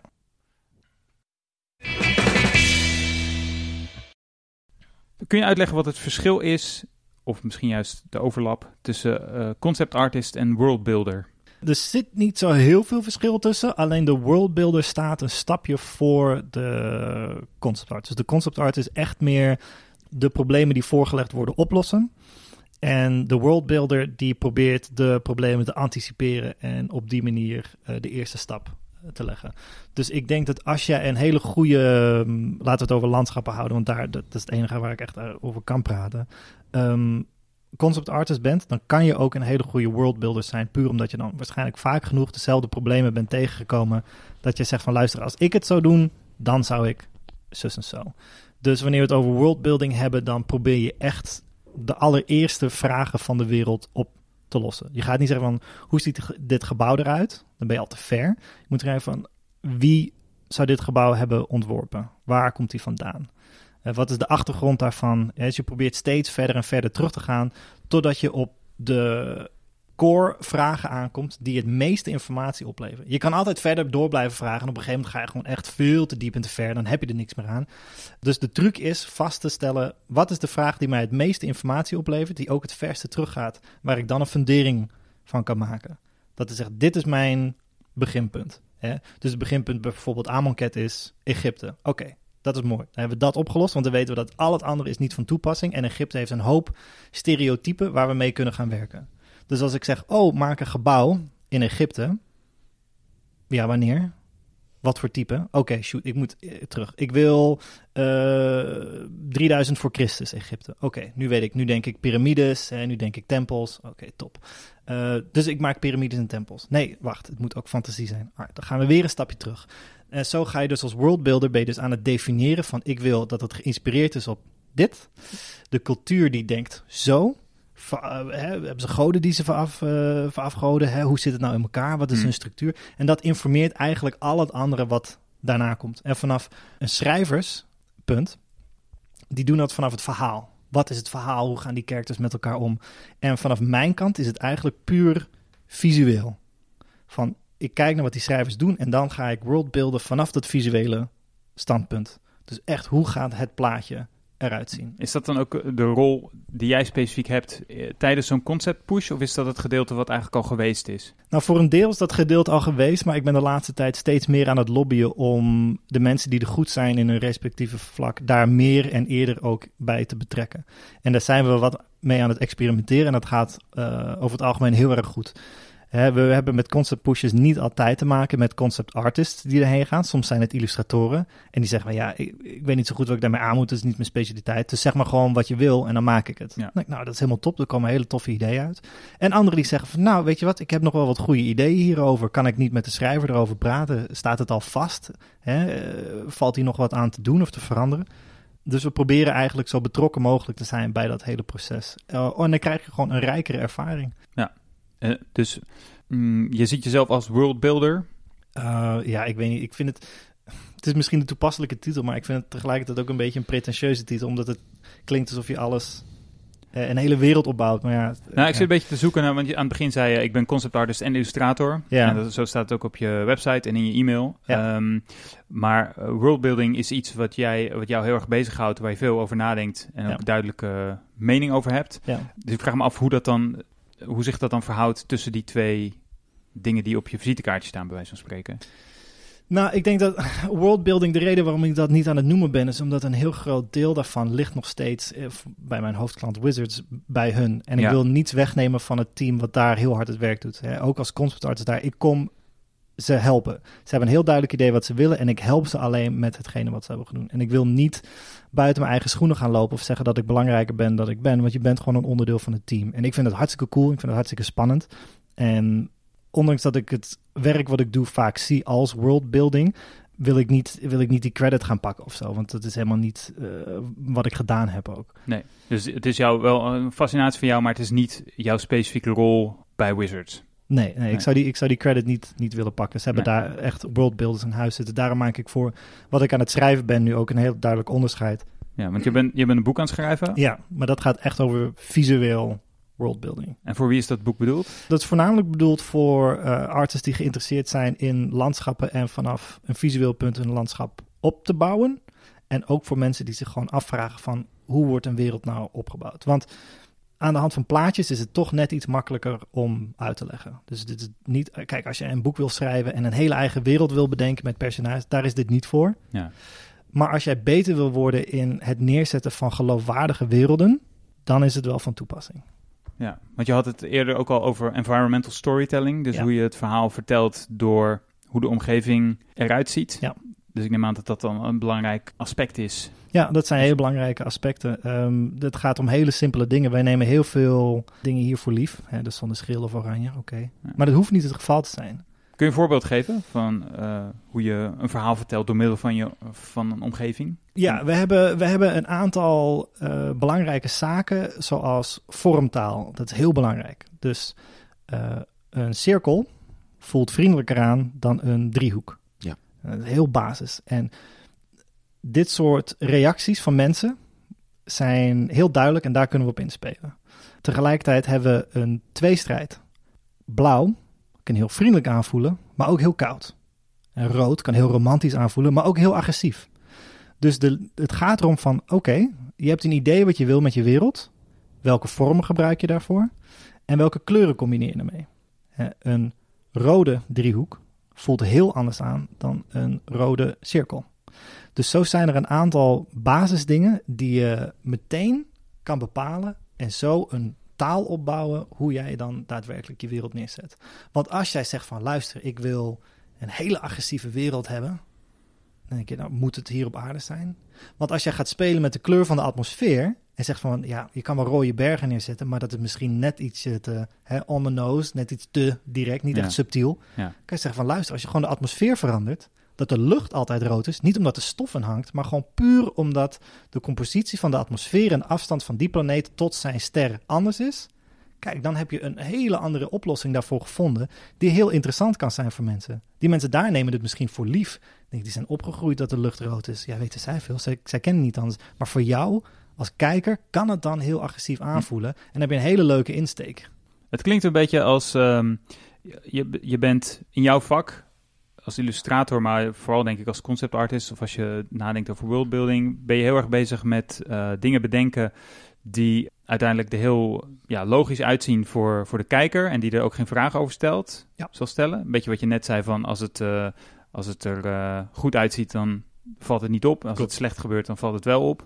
Maar het zijn wel dingen dat als ik dan aan jou ga vragen waarom is die lucht rood, dat jij mij dan dat heel goed kan uitleggen. Ja, Omdat jij er ontzettend eh, diep over hebt nagedacht. Als we dan zeggen, ik zei net wat de eerste regel van concept art is, dat vorm volgt de functie van eh, wat je aan het ontwerpen bent. Dan is de tweede regel is dat je altijd een antwoord moet hebben. Je Ja. kan nooit zeggen, ja, dat weet ik niet. Dat is gewoon, dat mag niet. Dus iemand vraagt eh, waarom staat hier een struik? Of eh, hoezo heeft eh, die persoon eh, een tas in zijn hand? Ja. Dan moet je dat kunnen uitleggen als, eh, als tekenaar. Ja, als Als je je niks goed, toevallig. nee, als je goed je werk hebt gedaan, dan heb je alles keurig netjes uitgepland. Dus het werk, wanneer mensen eh, denken aan tekenen of illustreren, dat het een heel vrij en los beroep is. Nou, dat is het voor sommige mensen ook. Maar in ons geval is het helemaal niet zo. Het is ongelooflijk veel onderzoek. Het is heel zorgvuldig plannen. Het is heel veel nadenken om te zorgen dat alles op zijn plek staat. En hoe dat aanvoelt en hoe mensen erop reageren. Ja, en dus het uiteindelijke tekenen van ja, is een heel klein onderdeel. Als je een week de tijd hebt om iets te tekenen, om het even cru te zeggen. Nou, ik zou dan drieënhalve dag bezig zijn met onderzoek doen. Wat moet ik doen? Waar is het? Hoe reageren mensen erop? Hè? De wie, wat, waar en hoe.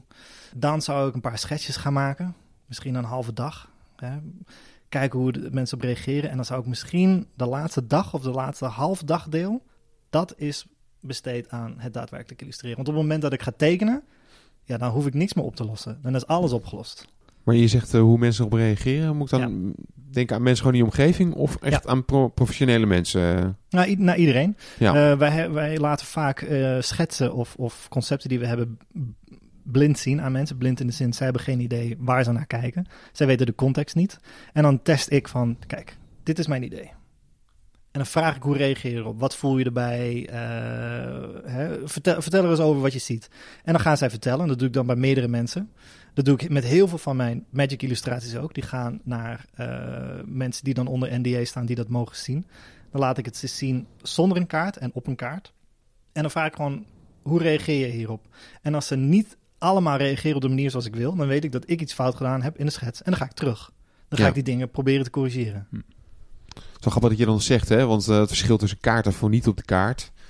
Want ja, die art wordt, is meestal, ik weet niet hoe groot jij werkt, maar die is meestal toch een stuk groter dan Ja. het er op de kaart uitziet. Ja. Bijna altijd. Ja. En dat maakt best wel een hele andere indruk. Dus ik kan me best wel voorstellen dat een- je, je maakt daar zo'n concept, maar eh, de afmetingen maken denk ik ook wel weer uit op hoe mensen dat ervaren. Oh, zeker weten. Ja, zeker. Eh, ik probeer met mijn werk altijd twee reads eh, in te bouwen. Twee manieren waarop mensen naar kijken. Eén is de interactie met op de kaart, dus in het klein.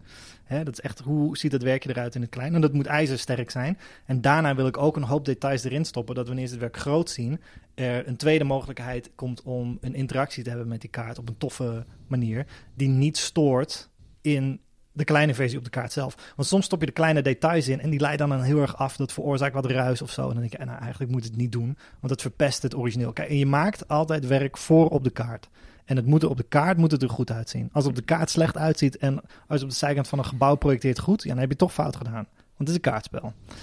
Dus de truc is voor mij om altijd, dat vind ik dan leuk, het is een uitdaging die ik voor mezelf zet van hoe zorg ik ervoor dat ik zoveel mogelijk kleine verborgen toffe dingen er toch in heb. Dat wanneer mensen het groot zien, eh, op een playmat of een poster, dat er dan nog wat, eh, wat extra interacties van, oh hé, hey, dat had ik niet gezien, dat is ook leuk. Nou, wij hebben gisteren toevallig eh, in voorbereiding op dit interview hebben we naar een kaart gekeken. Ik kan even de Oh, naam... ik denk dat ik weet welke je bedoelt. Deze. Ja, de Dusk Legion Dreadnought.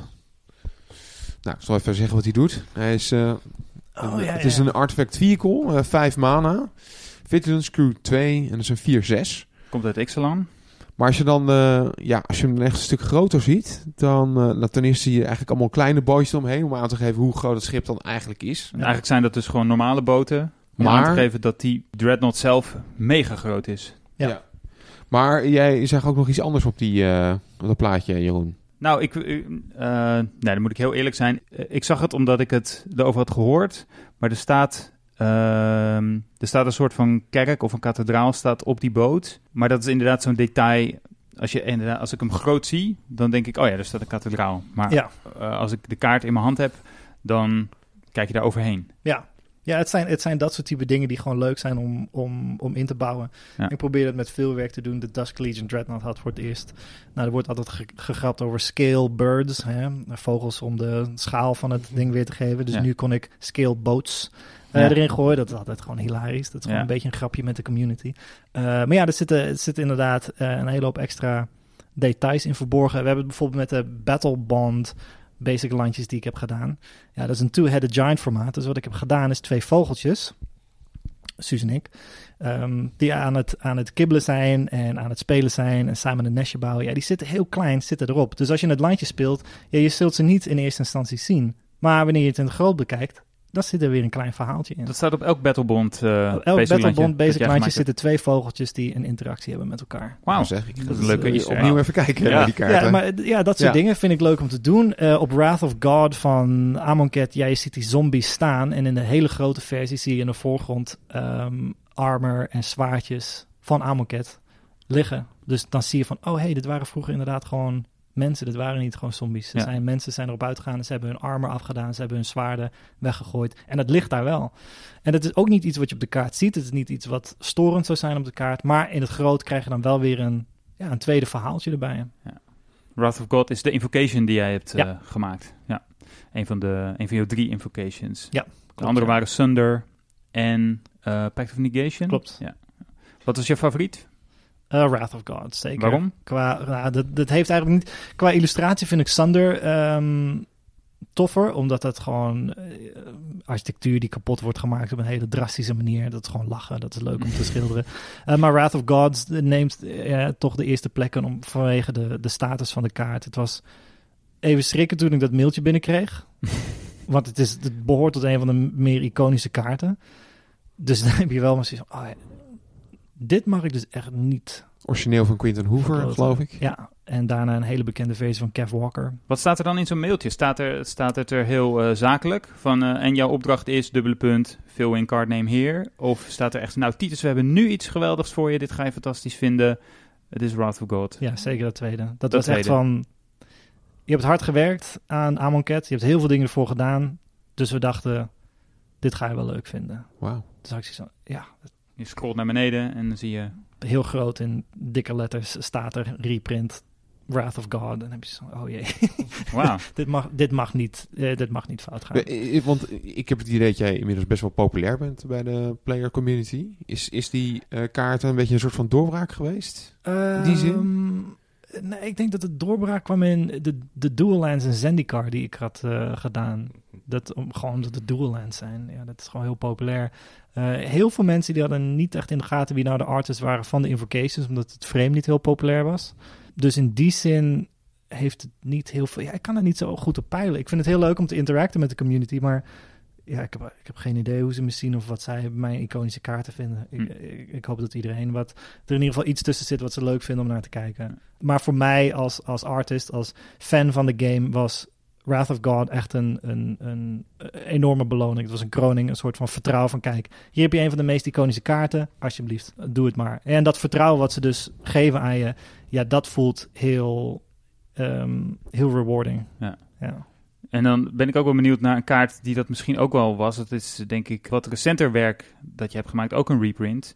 eh, die je zelfs eh, als gepinde tweet op je timeline eh, hebt gezet. Ja, ja. en dat is Ensnaring Bridge. Natuurlijk ook een vrij iconische kaart en ook best wel een staple in, in, in onder andere Modern. Ja. Kun je daar iets over vertellen? Ja, Was dat ook zo'n mailtje? nee, dat, is, dat verhaal is eigenlijk een stukje interessanter. Ik zat met een toenmalige art director eh, op een gegeven moment. Ik was daar voor een push en ik zat met een art director te praten na werk. En we zaten eigenlijk, nou, dat doen artists wel vaker, gewoon een beetje te roddelen over werk wat we wel en niet leuk vinden. Hè? Wat, we, wat we cool vinden, wat we minder cool vinden. En ik kwam op een gegeven moment uit bij eh Ensnaring Bridge. Dat ik vond dat die kaart al een lange tijd niet op een goede klassieke manier eh, was weergegeven. Ik vind de versie uit Stronghold helemaal geweldig. Wil je zeggen dat je nu geen fan bent van de versie van Ron Spencer? Eh, nee, ik heb. Eh, Arjan graaft er een beetje naar. nee, ik, ik, ik heb de- toevallig de versie van Ron Spencer in een deck zitten. Ehm, ik vind, ik vind een hoop, een hoop Ensnaring Bridge versies vind ik wel heel, vind ik wel heel cool. Maar de, de Kaladesh ehm, masterpieces vond ik heel goed passen bij Kaladesh. Maar ik vond dat ze niet een soort van, ja, hoe noem je dat, een grootste kwaliteit hadden. Die, die, zeg maar buiten de plane zelf gaan. En een aantal illustraties doen dat wel. Wrath of God bijvoorbeeld, door eh, de, de, versie van Kev Walker met die grote explosie, is zo ongelooflijk iconisch. Die kan je bijna overal inzetten en dan, dan werkt het gewoon. Eh, en ik had het gevoel dat een aantal kaarten dat gewoon niet heel erg ehm, hadden. Die pakten niet die nostalgie. En dat is niet de schuld van de artist die het heeft getekend. Dat ligt gewoon aan de vraag. Hè? Wij willen nu dit op Kaladesh plaats laten vinden. Oké, is prima. Of wij willen het nu op weet ik veel wat voor andere plane eh, hebben. En ik denk van ja, het zou gewoon cool zijn als je dat een keer opnieuw zou kunnen doen. Maar op een hele iconische manier. En ik had het over een aantal kaarten en die art director die keek me aan. Zei, oké, oké, ja, prima, prima. Dus nou, wij drinken tot in de late uurtjes wat door. We zijn wat aan het roddelen. Ik kom de volgende ochtend een beetje brak op werk aan. En denk van, nou, is het natuurlijk ook met die jetlag te maken. Dus hier zit er wat. En hij komt met een enorme glimlach, komt hij de kamer in. Hij zei, je weet, als het een probleem is, als jij dat soort dingen zegt, dat als je dat moet doen, ja, dan, dan moet je dat ook wel waar kunnen maken. Hè? Put your money where your mouth is. Je moet het wel kunnen. Ik zei, waar heb je het over? Waar ga zei van, hier, alsjeblieft, open je e-mail maar. Dus ik open mijn e-mail en daar stond inderdaad het e-mailtje van Ensnaring Bridge. Een klassieke remake, gebaseerd op dat van Stronghold. En het was echt onder het motto van, nou, doe het dan ook maar als je echt het wil en als je het hebt over ik wil dat iets iconisch wordt en bla bla bla bla bla bla. Nou, veel sterkte. Maar betekent dat dus dat we de, de reprint van Ensnaring Bridge gewoon aan jou te danken hebben? Of was het puur toeval dat het al in de planning stond? Nee, dat was puur toeval dat het, dat het al in de planning stond. Ik had er geen idee van. Wederom, als, als je het hebt over hoe vaak ik stom geluk heb met dingen. Nou, dit was er dus één van. Ik weet niet of hij oorspronkelijk naar een andere artiest zou zijn gegaan. Ik heb er geen idee van. Maar die art director vond dat een ongelooflijk grappig iets om dat dan maar aan mij te geven. Omdat ik dan ook maar weer moest dealen met die druk. En omdat hij wist dat er een karakter in stond waar ik niet zo sterk in was. Hij zei van alsjeblieft, doe, doe het dan maar. weer. als je van die grote praat, dan maak het dan ook maar waar. Ehm, dus er is gelukkig een, ruimte voor een stukje humor erin. Maar dan zit je wel meteen van, oh, ja. Hoeveel stress heb je daar dan van in vergelijking met, uh, nou, we hadden het bijvoorbeeld over Frontier Bivouac. Maar ook uh, Wrath of God was ook iets wat je niet wilde uh, verprutsen. Je wil natuurlijk niks verprutsen, maar daarbij is de druk hoger. Ja, de druk is heel, heel, hoog. Is het dan elke keer weer nieuw of is het elke keer meer druk of voelt het steeds hetzelfde? Nee, het is elke keer nieuw. Het zijn dingen waar je van denkt van, ah, kan er wel aan wennen. En bij sommigen is dat ook wel zo. Kijk, een reprint van Terrarion of zo, denk je, oké, ja, dit is een wat lastige kaart qua illustratie, maar redelijk straightforward. Ehm, maar hoe meer nostalgie er aanhangt, hoe hoger die druk gaat. Dus gaat van 0 naar 100 stress. Echt onmiddellijk wanneer je weet dat je dan zo'n kaart moet gaan doen. Want je weet hoeveel mensen gaan er naar kijken. Uh, ga je het winnen van de nostalgie? Nou, het antwoord is bijna altijd nee. Want die kaart heeft, weet ik veel, hoeveel jaar, wanneer was Stronghold? Ja, eind jaren 90. 99, 98 die kaart heeft 20 jaar voorsprong om, om mensen hun hart te, te overwinnen. En dan kom jij aanzetten. En je gaat wel aan iets klooien wat mensen heel geweldig vinden. En dat, dat vind ik dat je daar rekening mee moet houden. Van hoe zien mensen die kaart? Wat voor interactie hebben ze ermee gehad? Wat voor verhalen hebben ze erbij? En hoe zorg ik ervoor dat ik iets neerzet wat nieuw is, maar tegelijkertijd niet het idee kapot maakt wat zij ervan hebben? Want als je dat wel doet, dan ben je vind ik een klein beetje egoïstisch bezig.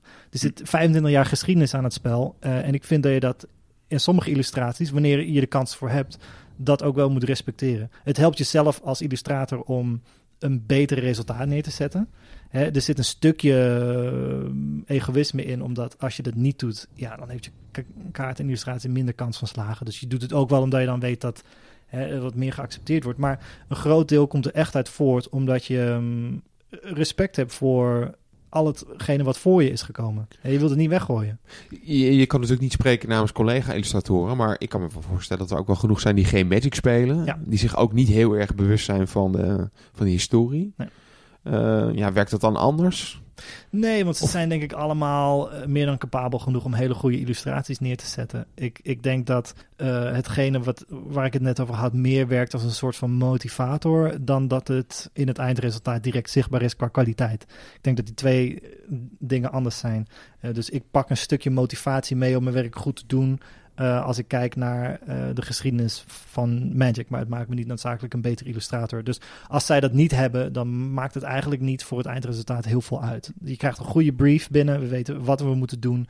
Um, dus zij kunnen dat prima uitvoeren. Nou, ik zou me kunnen voorstellen dat het in, in kwaliteit, qua illustratie, er gewoon net zo goed uitziet. Ja. Alleen, ja, dat het qua historie gewoon minder, minder uh, leeft dan. Maar... Het kan, ja, ik, ik, ik, ik weet het niet. Ik denk dat andere mensen dat beter over mijn werk zouden kunnen zeggen. Um, als ik. Ik probeerde gewoon genoeg of kleine goedgekeurde easter eggs in te doen of hè, een knipoog naar dit.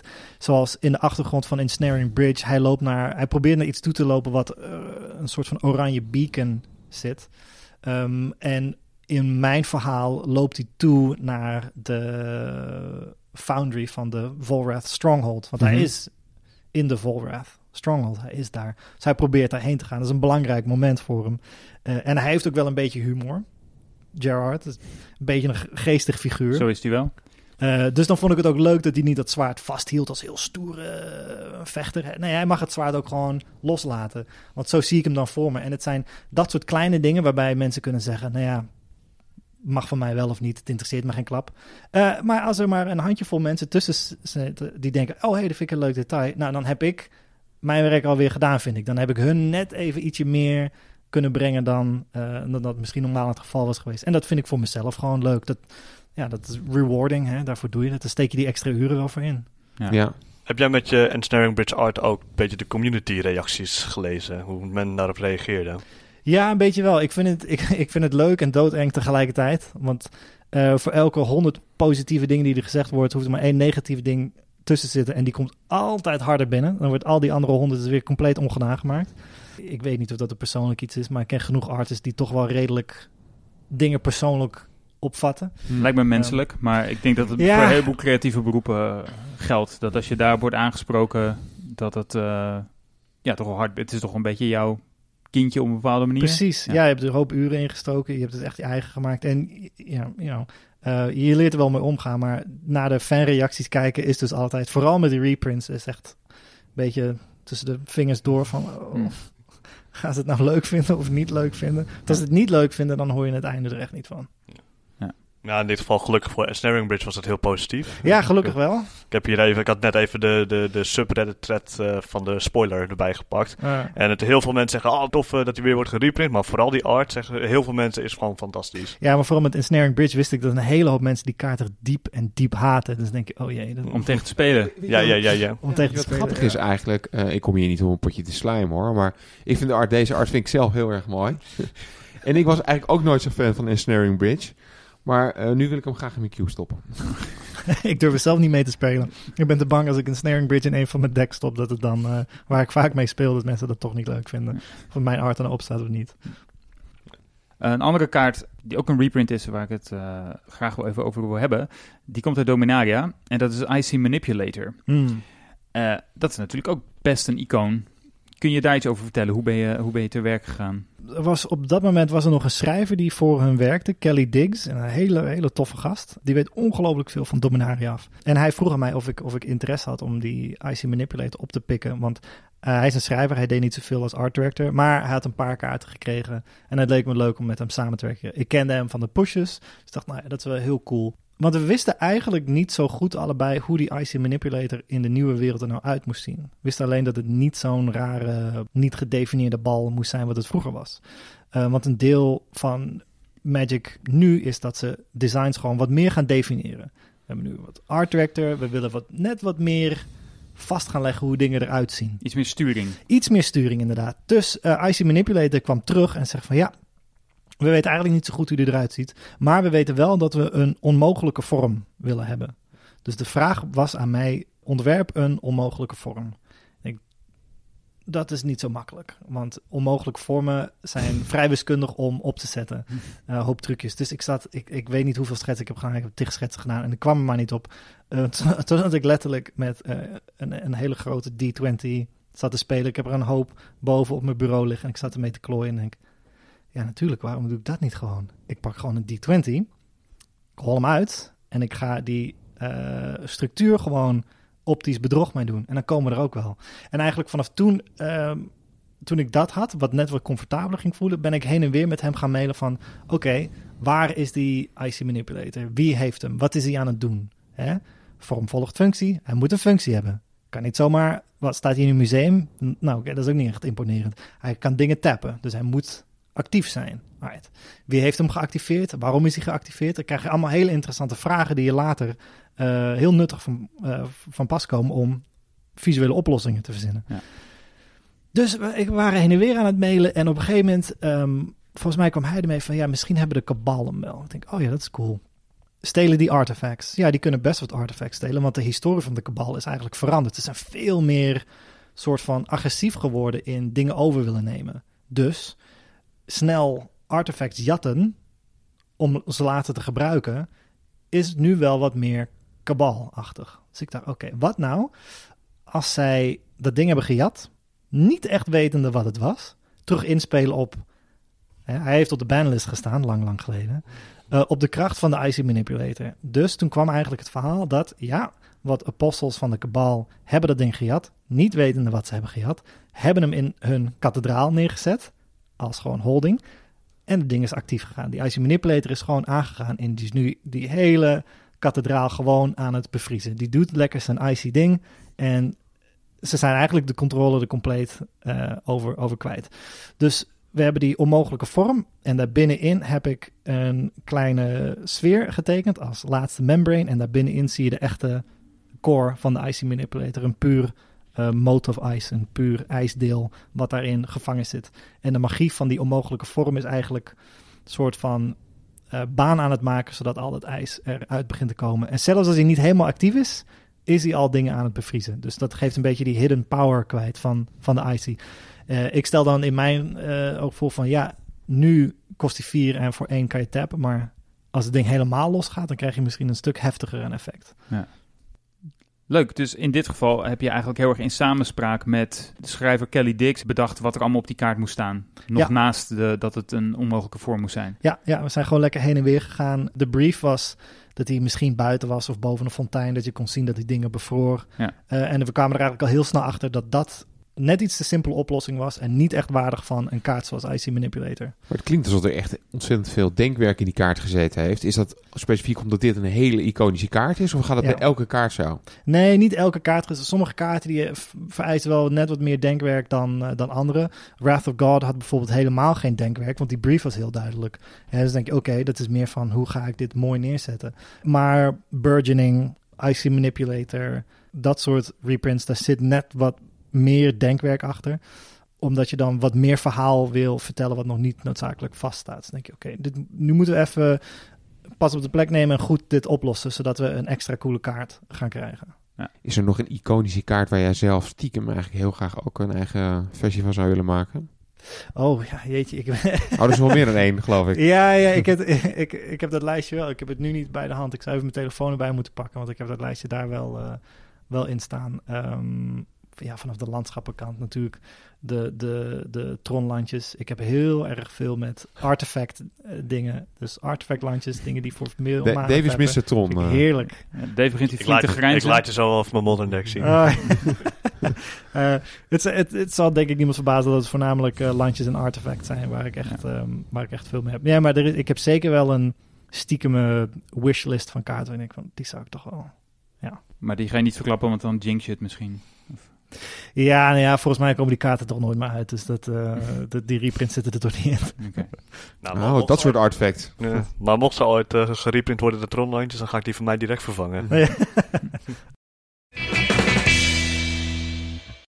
We hadden het gisteren nog over van eh, hoe ver moet een, een kunstwerk gaan dat het nog wel fantasy is. Maar we hadden, oh, we hadden het over werelden die we, die we nog niet gezien hadden. Alright. En ik zei heel erg van ik zou graag een soort van eh, toekomstige wereld willen laten zien. Maar dat het dan wel binnen Magic past. Dat is wel een lastig iets. Dat zou ik ook wel willen zien, want het zal mensen vaak verbazen als ik zeg dat ik eigenlijk helemaal niet zo van fantasy hou.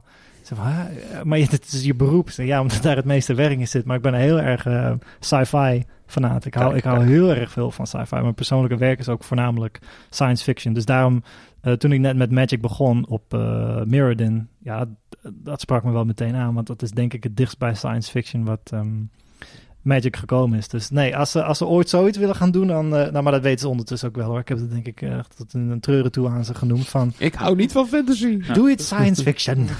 ja, ja. Kun je zelf nog een voorbeeld noemen van een kaart waar je nou, speciale herinneringen aan hebt of eh, in het bijzonder trots op bent? ja, er zijn altijd een aantal kaarten waar je dan een doorbraak bij maakt. In, in dat het, waar ik het eerder over had, dat het dan klikt. En het stomme is, dat is een beetje de regel, dat weten heel veel van die artists ook. Als jij een middelmatige illustratie maakt op een hele goede kaart, dan wordt hij toch meer gewaardeerd dan een hele goede illustratie op een hele slechte kaart. Hmm. En dat is voor ons wat het meest zuur is. Want wij weten niet wat de kaart doet op het moment dat die brief binnenkomt. Maar aan de hand van de beschrijving kun je wel gaan raden wat het doet. Hè. Als iemand je een, een, een mox geeft, dan ga je niet denken dat dit een slechte kaart wordt. Dat weet je dan ook wel. Maar een van die kaarten voor mij was Ancient Animus. Ah ja, groene Ehm, kaart. Een groene kaart. En die is... Zal ik hem even voorlezen? Ja. Ancient Animus, een kaart ook uit Dominaria. eh, voor een generiek en een groen een instant. Leg een plus 1 plus 1 counter op een creature naar keuze van jou, als die legendary is. En dan gaat hij vechten met een creature naar keuze van een tegenstander. Ja. Dat is de kaart. Niet een bijzonder boeiende kaart. Nee, het is een effect wat, we eigenlijk, eh, wat we al wel vaker hebben gezien. Ja. Wat, was, eh, wat voor brief kreeg jij daarover? Nou, ik wist dat het een fight card zou worden. Maar de brief was wederom van diezelfde art director die mij de Ensnaring Bridge gaf. En dit was van, oh je wil een uitdaging. Ik- Ik heb wel een uitdaging voor je. Wat dacht je van Karn die tegen Multani aan het vechten is? En, en dat is niet zomaar een brief. Dat zijn hele ingewikkelde dingen om te schilderen. En vooral op dat moment was ik net, net begonnen met eh, een soort van extra push om meer te leren over anatomie en figuren. Dus ik dacht van, nou, leuke, leuke inkomer.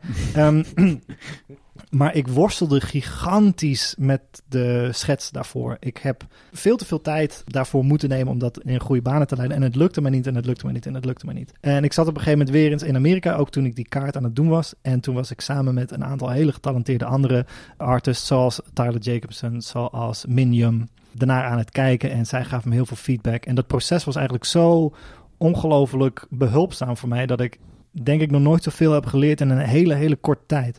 Eh, niet alleen over hoe anatomie nou werkt, maar ook hoe je zo'n type verhaal als dit, als twee karakters die aan het vechten zijn, weer moet geven. Er staat een hele hoop problematische dingen in, zoals in de originele brief gaf Multani Karn een klap. Maar Multani in, in, in de brief had geen normale arm. Dat was een enorme verzameling van wortels die je schoot. Ja, het is een soort uh, boombeest. Ja, precies. Het is een enorm boombeest. En hij is ook vele malen groter dan dat Karn is. Dus je hebt een soort van verkorting. Hoe laat je die figuren nou zien? Hoe laat je die klap zien? Dat het dynamisch is. Wat moet het nou worden? Dus ik moest veel meer proberen na te gaan van... Oké, die klap, dat wordt hem niet. Ik krijg dat niet opgelost. Dit is niet iets wat eh, gaat werken. Eh Karn ziet er ook dom uit als hij een klap op zijn hoofd krijgt. Dan trekt hij een rare, rare kop. En die arm ziet er dan heel raar uit, want Montani staat dan 50 meter verderop. Hij heeft een 50 meter lange arm die je weergeeft op, wat zal het zijn, 8 millimeter. Dan denk je, ja, dat, maar dat werkt niet.